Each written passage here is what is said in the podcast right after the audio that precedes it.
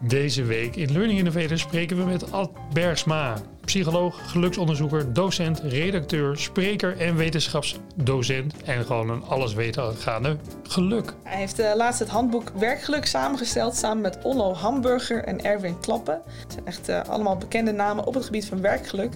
En we spreken vandaag over het effect van werkgeluk op leren. Learning Innovators. De podcast van Pluvo over leren.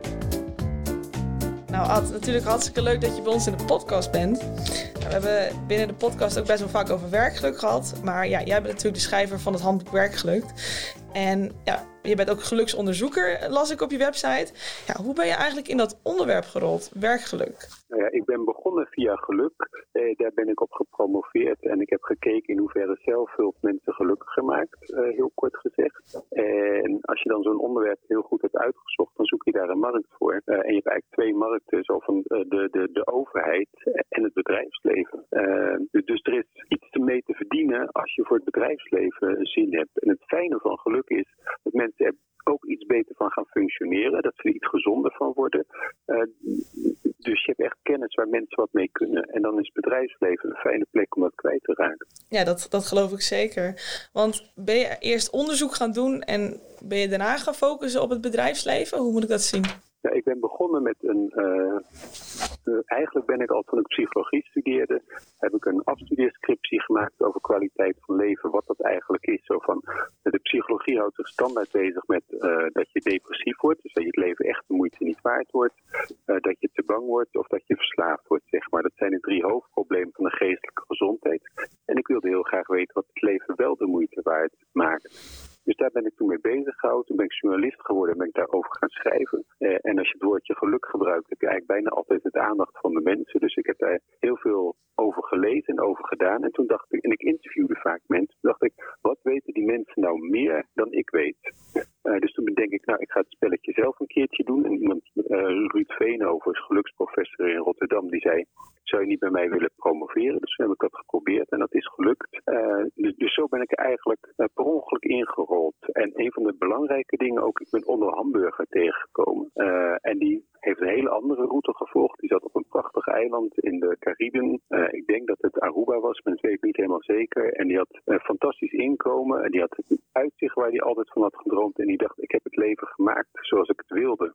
maar het werk wat hij deed paste niet bij hem. En hij werd er echt ongelukkig. Dus hij kwam uit een soort persoonlijke zoektocht bij het onderwerp werkgeluk. Ik kwam bij de wetenschappelijke uh, invalshoek en wij hebben elkaar ontmoet en we zijn samen een boek gaan schrijven. En het is nooit meer overgegaan, het onderwerp, zeg maar. En jullie werken nog steeds samen, ook over dat onderwerp?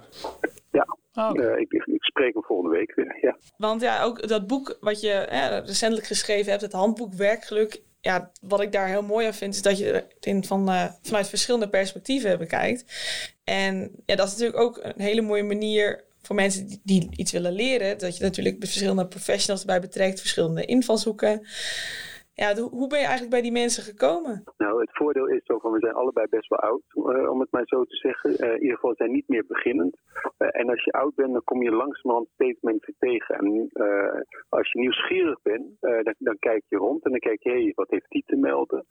en als je dan mensen interessant vindt, dan sla je ze ergens achter in je hoofd op. Dus we hebben in de loop van twintig jaar met het onderwerp bezig zijn, zeg maar, hebben we een aantal mensen gezien waarvan we denken, hé, hey, die zijn interessant.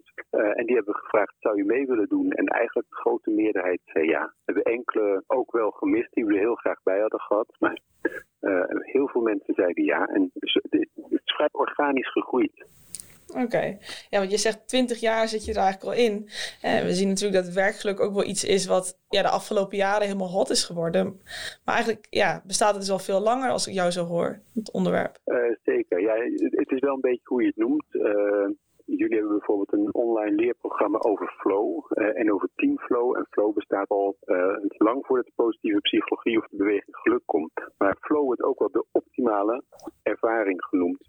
Uh, geluk is ook een optimale ervaring. Dus het is deels dat het woord veel populairder is geworden.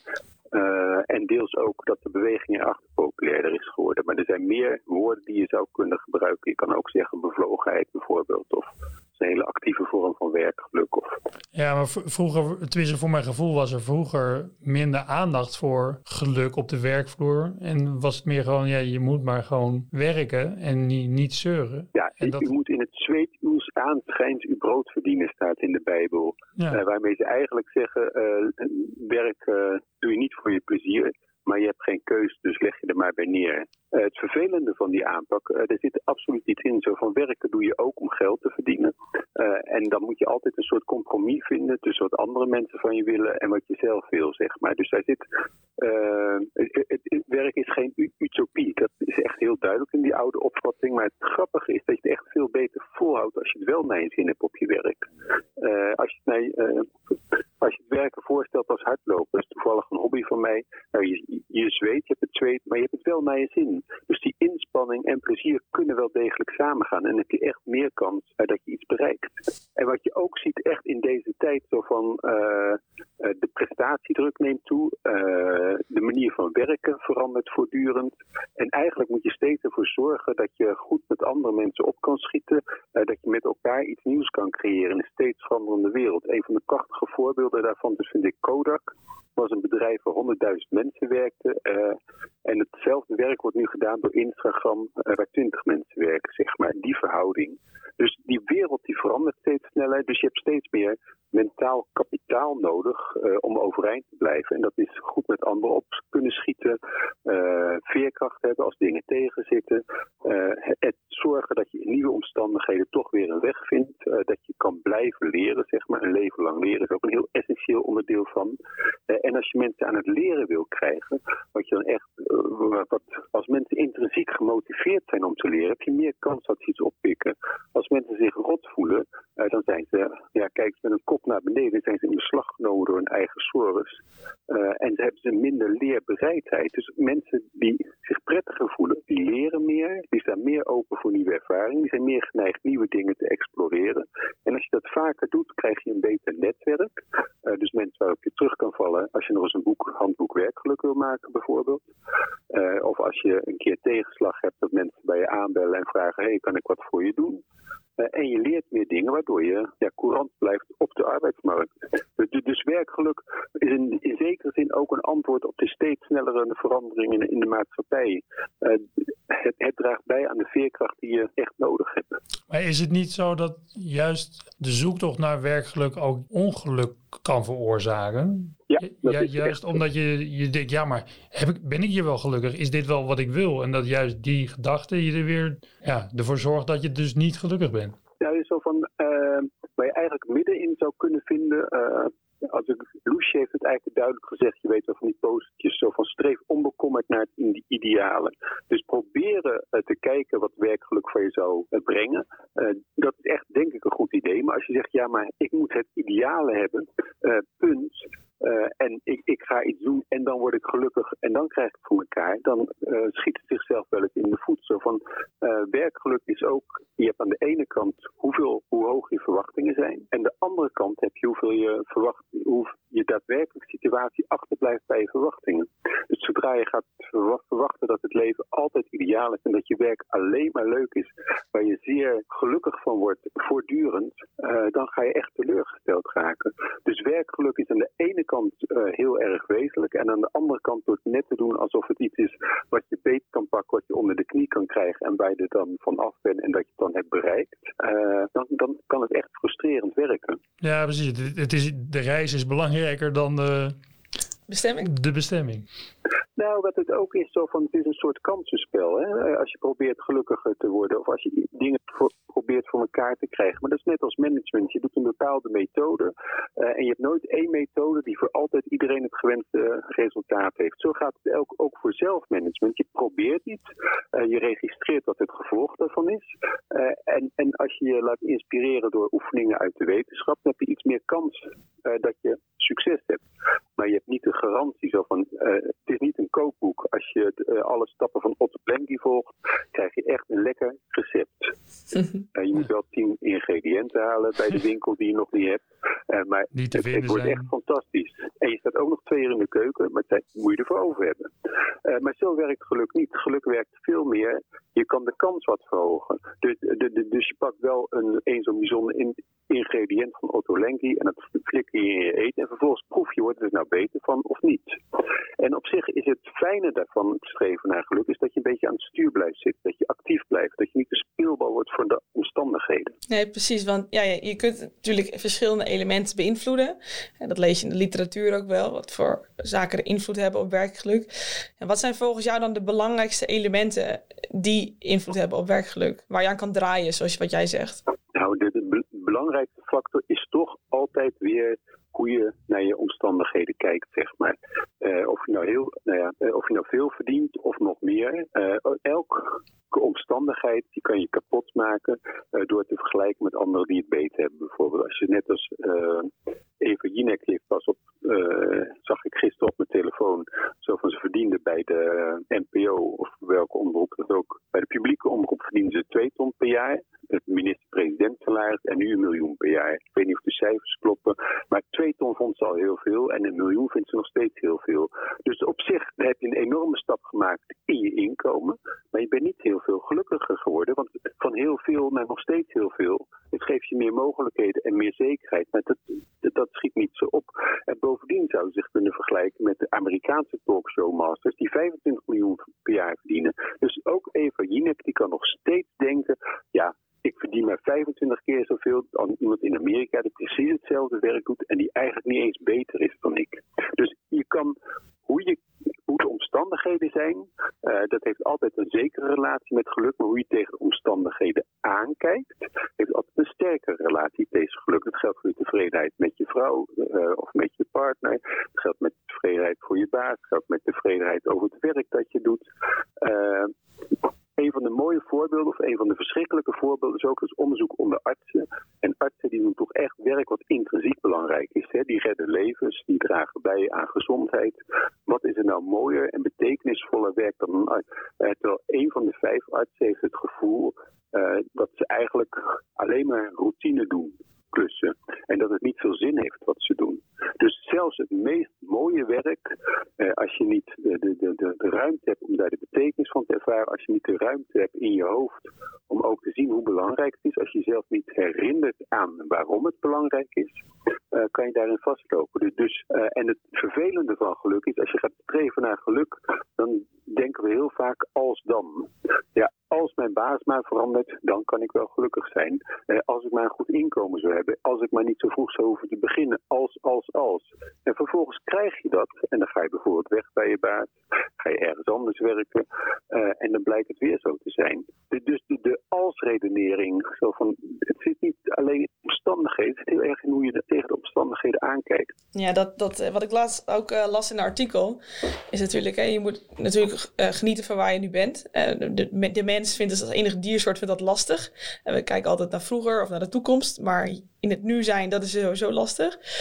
Um, maar een element van geluk wat ik daar hetzelfde artikel las, is ook dat je iets hebt om naar vooruit te kijken. Dus het is wel goed om naar iets te streven, volgens mij, of, of iets hè, te willen bereiken. Maar daarnaast moet je wel weer ja, content zijn met wat je hebt. En ja. Nou, ik weet niet of je per se komt. Je mag best een beetje ontevreden zijn over het werk wat je hebt, zeg maar. Of je kan best een beetje. On, uh, maar het geldt wel een beetje aan, aan de betekenis die je daarin geeft. Zo, van ja. Uh, zo van ik draag nu bij. Ik, een van mijn ambities is om bij te dragen aan het werkgeluk of het geluk van Nederland, zeg maar. En ik weet zeker dat het soms een heel klein beetje lukt. En ik weet verder totaal niet hoeveel dat lukt. En dan kan ik denken, ja, maar ik ben ontevreden omdat ik nog te weinig mensen heb bereikt. Dus daar probeer ik ook bij jullie iets te vertellen, zeg maar, in de hoop dat iets meer. Dus vanuit die ontevredenheid kan je ook weer iets veranderen. Uh, ontevredenheid helpt je ook om uh, dingen te identificeren die niet kloppen, zeg ja, uh, zoals ik het nu doe op mijn werk, doe ik het eigenlijk niet goed. Ik, ik, ben te ingezakt, dus ik ben ontevreden hoe het nu is. Dus ik ga eens kijken hoe het anders kan, zeg maar. Ontevredenheid is ook niet iets waar je bang voor hoeft te zijn. Het mooie van uh, gelukkig zijn is niet zo van dat je nooit onbehagen ervaart, of dat je nooit pijn hebt, of dat je nooit verdrietig bent, of dat je nooit angstig bent, of dat je nooit onzeker bent. Dat, dat is gewoon echt een part and parcel of life, zeg maar. Dat hoort echt bij uh, hoe het is om te werken. Uh, je hebt ook nooit alleen maar de meest fantastische collega's op je werk. Uh, en daar kan je best een keer aan ergeren. Dus ontevredenheid hoort er ook bij. Maar vergeet niet dat je hoofd soms te veel uh, gericht is op de ontevredenheid. Zeg maar. Zo, als je kijkt naar de evolutie, is onze hersenen zijn erop ingericht om dingen die mis kunnen gaan op te sporen. Uh, want stel je voor, je loopt ergens over de savanne en je ziet een tijger en je ziet hem over het hoofd. Nou, dat kan je één keer doen, dan ga je dood. Dus ons hoofd is geëvolueerd om alle dingen die misgaan te registreren. Nou, als dat in je hoofd zit uh, en je zit in redelijk veilige omstandigheden, hoewel we in, tijden van de lockdown niet altijd dat gevoel zullen hebben. Je hebt hele veilige omstandigheden, kan eigenlijk weinig misgaan met je leven. En je blijft maar opletten op alles wat mis is. Uh, dan maak je ook de beste omstandigheden in je hoofd kapot. Van als je een Trump-supporter bent in Amerika en je denkt dat uh, als de verkiezingen eerlijk zijn verlopen en je denkt dat het oneerlijk is verlopen, ben je heel erg. dan ben je in je hoofd het mooie van de democratie kapot aan het maken. Omdat er tegen je gelogen wordt weliswaar. En dat doen we eigenlijk automatisch. We kijken heel erg naar alle dingen die mis zijn. Als je kijkt naar alle dingen die mis zijn, ga je ontevreden worden. En als je niet realiseert zo van ja, alle goede dingen wennen ook heel snel. Uh, een van de dingen die je bijvoorbeeld kan doen als je je minder prettig voelt, is aan het eind van de dag eens nadenken aan drie dingen waar je heel tevreden bent. Zo van, je, je, baas heeft lelijk gereageerd op een deadline die je niet hebt gehaald, of een afspraak die je hebt gemist, om maar iets actueels te noemen. Uh, maar hij heeft ook gezegd dat dit en dat goed was, dat en dat. En soms ben je veel meer geneigd om de dingen die misgaan te registreren. En dan helpt het echt om je eigen blik een klein beetje te corrigeren en te kijken, hé, hey, uh, ligt dat nou aan de omstandigheden of ligt nou hoe ik tegen de omstandigheden aankijk? Ja, dus dat heb je dan ook zelf wel in de hand. En als je dat dan, dan koppelt aan leren, hè, wat, wat je eerder ook al noemde, als je gelukkiger bent, dan ja, neem je beter dingen op, kun je beter leren. Uh, en wat je net vertelt over hoe je aankijkt naar omstandigheden, of, of het leren lukt niet, of je wilt iets nieuws aanleren en je, voelt je daardoor alleen maar rot. Ja, wat kun je dan doen om ja, je, je staat, je bevlogenheid weer wat omhoog te krijgen, zodat je wel weer in die mood van leren komt? Nou, er vervelends aan leren. Uh, leren impliceert eigenlijk altijd dat je iets op dit moment niet helemaal goed doet. In ieder geval dat het beter kan. Uh, zo, als je bijvoorbeeld kijkt naar soft skills, hè, als je psychotherapeut bent, zo van je, je, je, je kan het vergelijken met, met wandelen, zeg maar. Uh, je, wandelen krijg je onder de knie en blijf je de rest van je leven op dezelfde manier doen. Je hebt een vrij vlakke je leert het snel, het is best wel ingewikkeld wandelen, maar je, wordt er, je hoeft er niet meer beter in te worden. Of je nou de muur van China gaat lopen uh, of een wandeling in het park, je blijft dezelfde vaardigheid gebruiken. Andere vaardigheden, zoals bijvoorbeeld tennissen, dat leer je ook. En dan ben je ook geneigd om af te vlakken. Maar dan huur je een coach in en die zegt, ja, maar als je voorhand nou iets anders doet, dan kan je er iets beter in worden, kom je op een hoger plateau uit. Maar in de, de moderne maatschappij je, moet je daar steeds verder in ontwikkelen. En mensen die denken, ja, ik ben er al, die blijken vaak niet zo heel goed te functioneren. Terwijl mensen die echt keen zijn uh, op het effect wat ze hebben op een ander, die registreren vaker dat het fout gaat en die zijn meer geneigd om dingen te leren. Uh, maar het vervelende van het registreren van dingen die je niet goed doet, is dat je er ook eens onbehagelijk bij voelt. Je schaamt je wel eens omdat je een afspraak hebt gemist. deze afspraak gaat niet bijvoorbeeld per telefoon in plaats van in de studio, terwijl we dat hadden afgesproken en ik het toch verkeerd heb begrepen. Daar schaam je je dan echt voor. Dus dat is echt heel onbehagelijk. Dus van groeien en leren, een onderdeel daarvan is ook een beetje pijn hebben over dingen die je nog niet weet. En dat je het nog niet allemaal goed doet. En dat het niet toch... zoveel moeite hoeft te kosten om het op te pakken. Dus als je zelf denkt van, nou, het gaat me echt niet lukken om dit nog te leren, dan zou je ongelukkig worden. Terwijl als je denkt, nou, waarschijnlijk als ik dit even ga leren, dan heb ik het onder de knie. En wat ook helpt, zo van welk jaar. Uh, in, zo, zo, het, het, scheelt ook zo van waar je het aan attribueert. Zo van als je iets niet kan leren en denkt, ja, maar ik ben er ook te dom voor. Ja, ik heb nu eenmaal geen sociale vaardigheden. Ja, uh, en het zal nooit wat worden, zeg maar. Dan, heb je, dan zet je jezelf al met 3-0 achter voordat je begint. Terwijl je denkt, nou, ik ga kijken uh, in hoeverre ik me kan verbeteren. En ik zie wel hoe ver ik kom. Dat is echt ook een andere instelling, zeg maar. Als je denkt zo van, ja, ehm, ik leer iets als ik me er genoeg voor inzet. dan leer je dingen. Als je denkt, ja, ik heb er echt genoeg talent voor nodig. Of mijn intelligentie is niet goed genoeg. Als je als je mislukken toeschrijft aan stabiele factoren buiten jezelf, uh, dan, dan, dan kan je er ook niks aan doen. Terwijl als je lukken toeschrijft aan dingen waar je zelf invloed van hebt, heb je meer kans dat je dingen leert. Ja, dat geloof ik ook wel. Ik heb laatst ook een onderzoek gelezen over, ik weet niet zeker of dat het Pygmalion-effect heet of dat het een andere naam heeft. Maar wat ze dan ook hebben gedaan met, met, met kinderen in een bepaalde klas. Als je daar dan tegen zegt dat ze bijvoorbeeld hoogbegaafd zijn, en dus dan is het wel een externe stimulans, die zegt van, nou ja, je, je, je kan het... tegen de docent, hè? Ja, nou ja, precies. En dat daar gezegd wordt van, hey, je kan het wel of je bent wel slim. En tegen die andere groep dat, dat, dat ze dat niet zijn, dat je daar dat effect ook al ziet. Want ja, wat we natuurlijk ook vaak tegenkomen vanuit onze rol als Pluvo, er zijn mensen die willen dat hun medewerkers bijvoorbeeld gaan leren of hun cursisten. Alleen daar zit best wel vaak weerstand tegen. En dat heeft natuurlijk ook met dat stukje zelfvertrouwen te maken. Van nee, ik kan dat toch niet of ik heb daar geen zin in. Um, hè, dus, dus enerzijds inderdaad dat stimuleren van hey, je kan het allemaal wel, helpt natuurlijk. Maar ik denk dat jij ook wel ideeën hebt van hoe, hoe kun je er nou voor zorgen dat mensen uit die weerstand komen om te leren, zodat ze toch in die leermodus komen? Denk dat, uh, dat het heel erg gaat over hoe je het ook organiseert, zeg maar. Zo van, van als je een uh, leren, wat, welke cultuur heb je? Uh, hoe werk je samen? doe je dat via een regelcultuur? Zo van, nou, je moet dit en dat is een verplichting, dat is een verplichting. Een vinkjescultuur. Zo van, je moet dit doen, je moet een zes halen voor dat. je moet dat en dat zoveel tijd besteden. als je je wil registreren als verpleegkundige voor de BIG, dan moet je zoveel punten binnenhalen.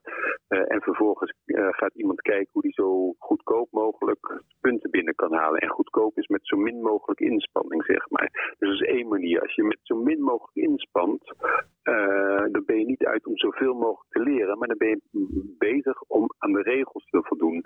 En het vervelende is, als je regels oplegt aan mensen, dan gaat ze altijd kijken of er niet een methodetje is om die regels toch te omzeilen, zeg maar. Van regels zijn natuurlijk hartstikke belangrijk, maar die gelden natuurlijk niet voor jou. Uh, de koning die gaat, uh, we kondigen een lockdown aan en de koning gaat met de privévliegtuig de dag daarna naar Griekenland. Ja, want regels, regels, regels, regels zijn er voor de anderen. je, dus dat schiet niet op. Terwijl als je in een privévliegtuig bent, besmet, dus besmet je niemand. Ik neem het de koning verder niet kwalijk. Maar het is wel hoe we allemaal op regels reageren, zeg maar, of geneigd zijn op regels te reageren. De andere is zo van dat je met elkaar een cultuur creëert. We zijn samen verantwoordelijk voor goede werkresultaten. En dat je elkaar erop aanspreekt uh, hoe je die bereikt. Dat je het iets meer organiseert vanuit zelforganisatie. Uh, en dat mensen zelf. En wat hebben we nou nodig om beter te worden? Uh, en dan komen er ook, of goed te blijven functioneren, of in ieder geval uh, de, de, klanten goed genoeg te bedienen, dat, dat die bij ons terug blijven komen, zeg maar. Of uh, dat die gelukkiger worden, of dat die gezonder worden, of dat, die, uh, dat ze hun nieuwe heup zo goed mogelijk kunnen gebruiken. Of dat we de vaccinatie precies bij diegene terecht laten komen die ze het hardst nodig hebben. Als je dat met elkaar organiseert, dan betekent dat je met elkaar nadenkt over wat je nodig hebt. Dus je hebt ook een heel erg waarderende cultuur over wat jouw inbreng is. Als jij het gevoel hebt dat je als mens serieus genomen wordt, dat je als professional serieus genomen wordt en dat je duidelijke feedback krijgt over niet vernederend, over wat je wel en niet goed doet. En dan, dan ga je zelf ook nadenken wat je zou moeten leren en waar je beter in zou moeten worden. Uh, dus feedback is een antwoord en de uh, goede feedback is een antwoord en een goede bedrijfscultuur creëren is een ander antwoord volgens mij. Ja, nee, dat begrijp ik heel goed. En het moeilijke is natuurlijk wel, die, die regeltjes die sluipen erin, want dat wordt natuurlijk, ja, dat zijn, zijn bepaalde maatstaven, worden gecreëerd binnen een bedrijf. Die roept, nou, in ieder geval, minimaal moet je dat kunnen, minimaal moet je dat kunnen. Dus er worden gegrepen aan, nou, dat moeten we dan toetsen. En dat worden dus al snel de regels. Dus het, kost eigenlijk wat je zegt, als je dan nog, ook nog energie steekt in het, het waarom en het begeleiden. En het, als je zelf ook ideeën hebt, neem ze mee en we voegen ze toe aan het grotere geheel.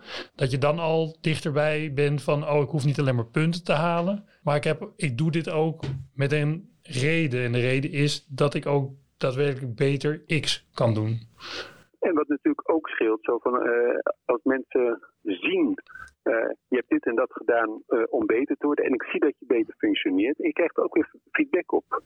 Zo van dat het niet alleen uh, het vinkje is en we doen het in het dossier en we kijken er niet meer naar, uh, maar dat je er iets op terug hoort. Uh, een van de auteurs in ons hoofdstuk, Aukje Nauta, die, die is hoogleraar psychologie. Ik weet niet precies wat de leeropdracht is op dit moment uit mijn hoofd, maar die zegt eigenlijk wat we in de werkvloer nodig hebben is meer liefde. En dat is een rare uitspraak misschien, maar zo van dat we echt zien wat iemand betekent, dat we echt iemand als mens schatten en dat we ons niet te veel verliezen in regels. Want als je te veel in regels gaat, dan organiseer je wel op de korte termijn een oplossing. Zo we moeten dat en dat voor elkaar hebben. Dus die en die regels, iedereen voldoet eraan.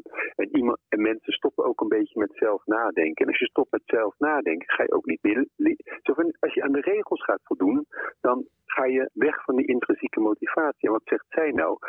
Het vervelende van die manier van denken is dat het op de korte termijn biedt, maar dat het op de lange termijn het leervermogen van een organisatie ondermijnt. En als je het leervermogen ondermijnt, uh, dan is de klassieke oplossing meer regels, uh, maar dan draai je jezelf vast.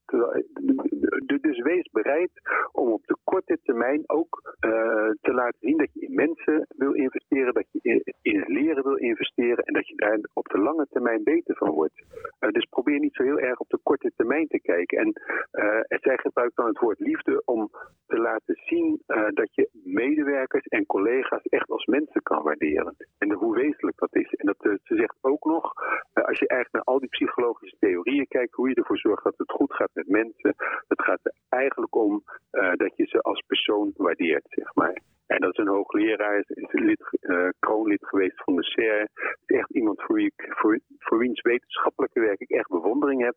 En die maakt het en zo simpel en zo tastbaar. Dus aan de ene kant maken we uh, uh, vanuit de psychologie, zeg maar, en vanuit de soft skills, kunnen we de kans echt iets vergroten dat je succes hebt, dat je iets bereikt. En aan de andere kant uh, moet je ook de wijsheid van de mensen zelf blijven benutten. Want dan heb je toch meer kans als je een organisatie hebt met enthousiaste, blije medewerkers die open in de, in de wereld staan en kijken wat ze kunnen bereiken.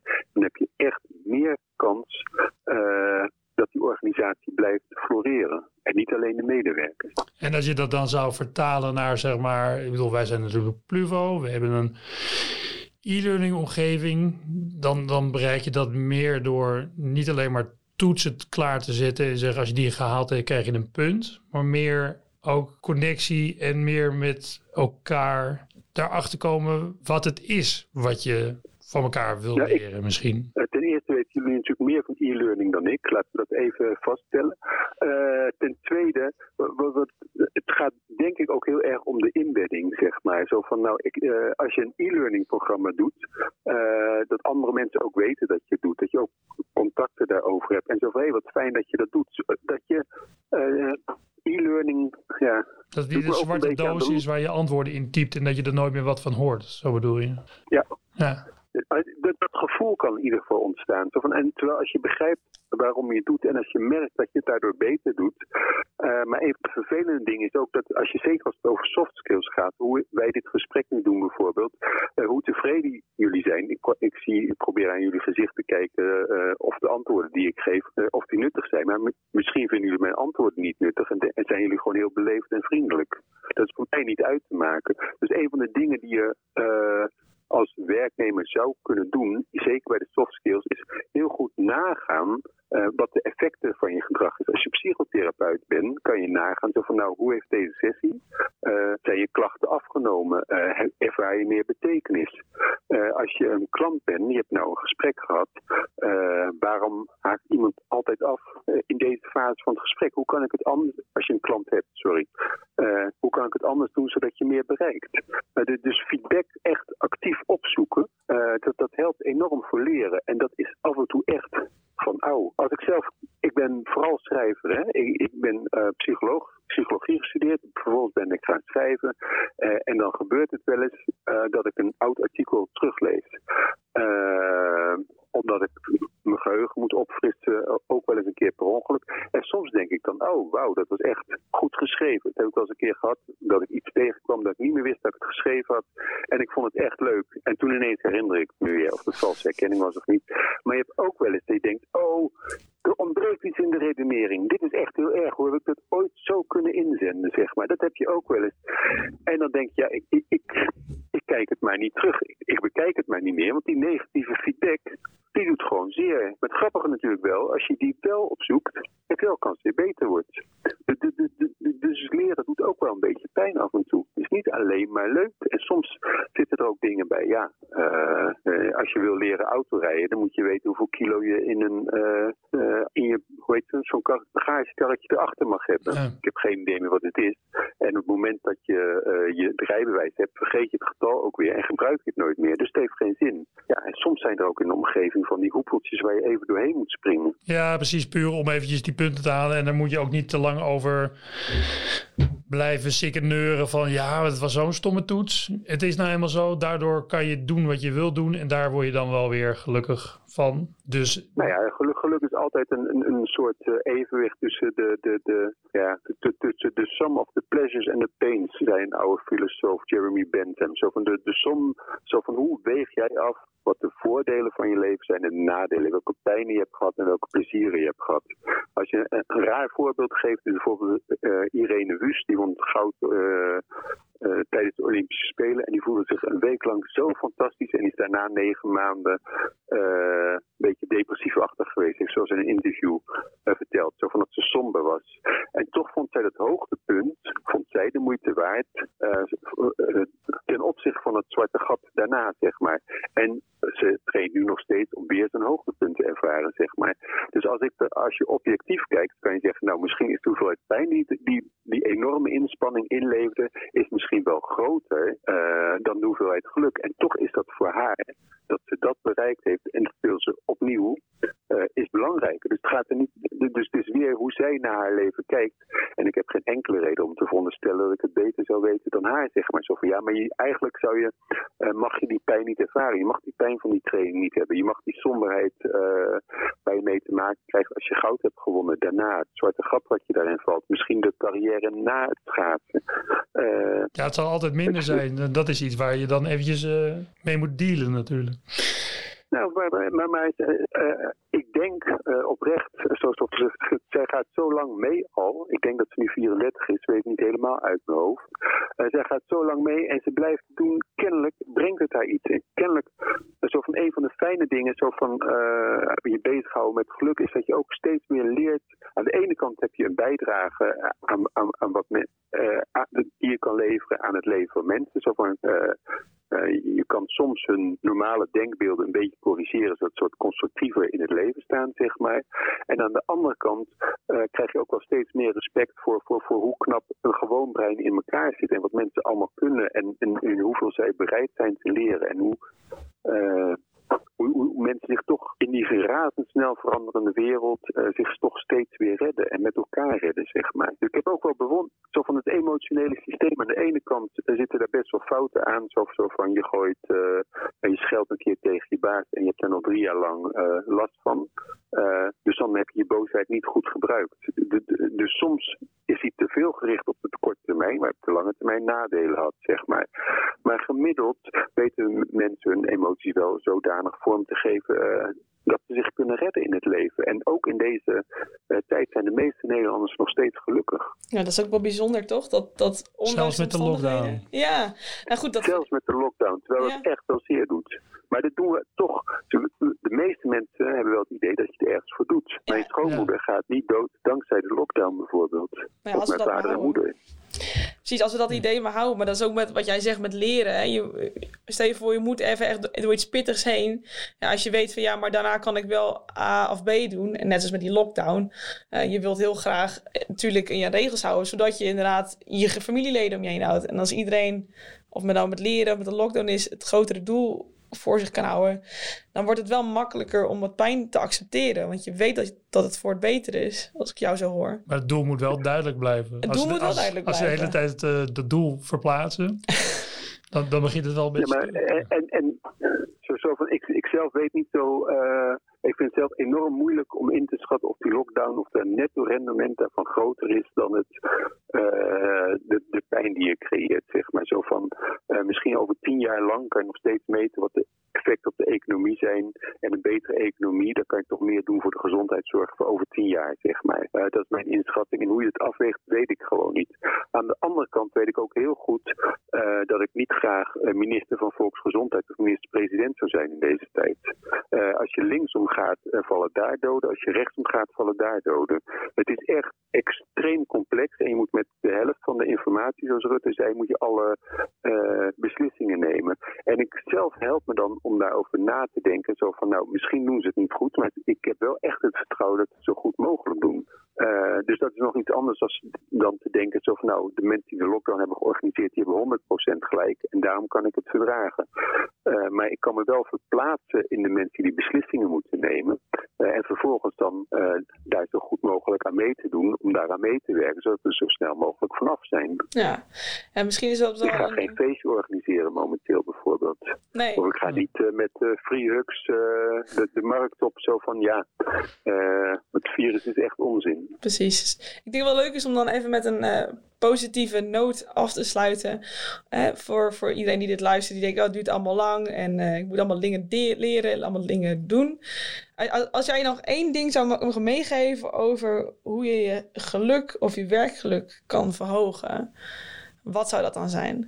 Ja, dat, dat, uh, dat een van de grappige dingen echt, als je toch heel dicht bij, bij die loopbaan, blijft misschien niet zo dicht bij mezelf hoor. Maar als ik foto's van, van uh, mijn hardloopgroepje bijvoorbeeld terugkijk, uh, dan staan we op de foto met allemaal de armen om elkaar, schouders en de hoofden bij elkaar, met, met de nul centimeter samenleving zeg maar. En dat je dan totaal kan verbazen, althans ik verbaas dan totaal over uh, hoe ik daarnaar kijk. Zo van, wat was dat toen raar? Ja. Zo van dat je elkaar gewoon ja, aan elkaar kon zitten, zeg maar. Maar dat, dat, dat, dat, dat klinkt een beetje seksueel, maar dat was totaal niet. Maar dat je armen om elkaar heen kan slaan, wat was dat toen raar? Zo van, en dan, wat mij dan echt verwondert, is hoeveel veerkracht we hebben om in zulke andere omstandigheden uh, weer andere manieren te vinden van uh, toch contact met elkaar te hebben. Bijvoorbeeld door die oude te delen, zeg maar. Zo van, we hebben eigenlijk zijn we vaak sterker en veerkrachtiger dan we zelf realiseren. Zo van, we hebben enorme aanpassingen gemaakt. We voelen ons misschien wel slechter momenteel. Dat is echt zo van onge stond vanochtend nog in de krant een derde van de studenten voelt zich op dit moment, uh, geeft hun leven een zware onvoldoende. Dat is echt veel en dat is echt zwaar. Aan de andere kant denk ik ook dat uh, dit zo van, uh, het is ook een enorme stimulans voor, voor, voor zelfstandig werken, zeg maar. Dus, dus je mist veel, maar je leert ook veel. En dat gaan we zeker weer plezier van hebben in de periode hierna. Nou, dat lijkt me dan ook een hele mooie afsluiter. Ad, dankjewel, dankjewel voor het super interessante gesprek en alle dingen die we van jou mochten leren vandaag. Hartstikke bedankt. Hartstikke bedankt voor je belangstelling en uh, tot ziens. Dit was weer de Learning Innovators podcast voor deze week. Word lid van de Learning Innovators community op www.learninginnovators.nl of volg ons op Instagram @pluvo.nl. Tot volgende week.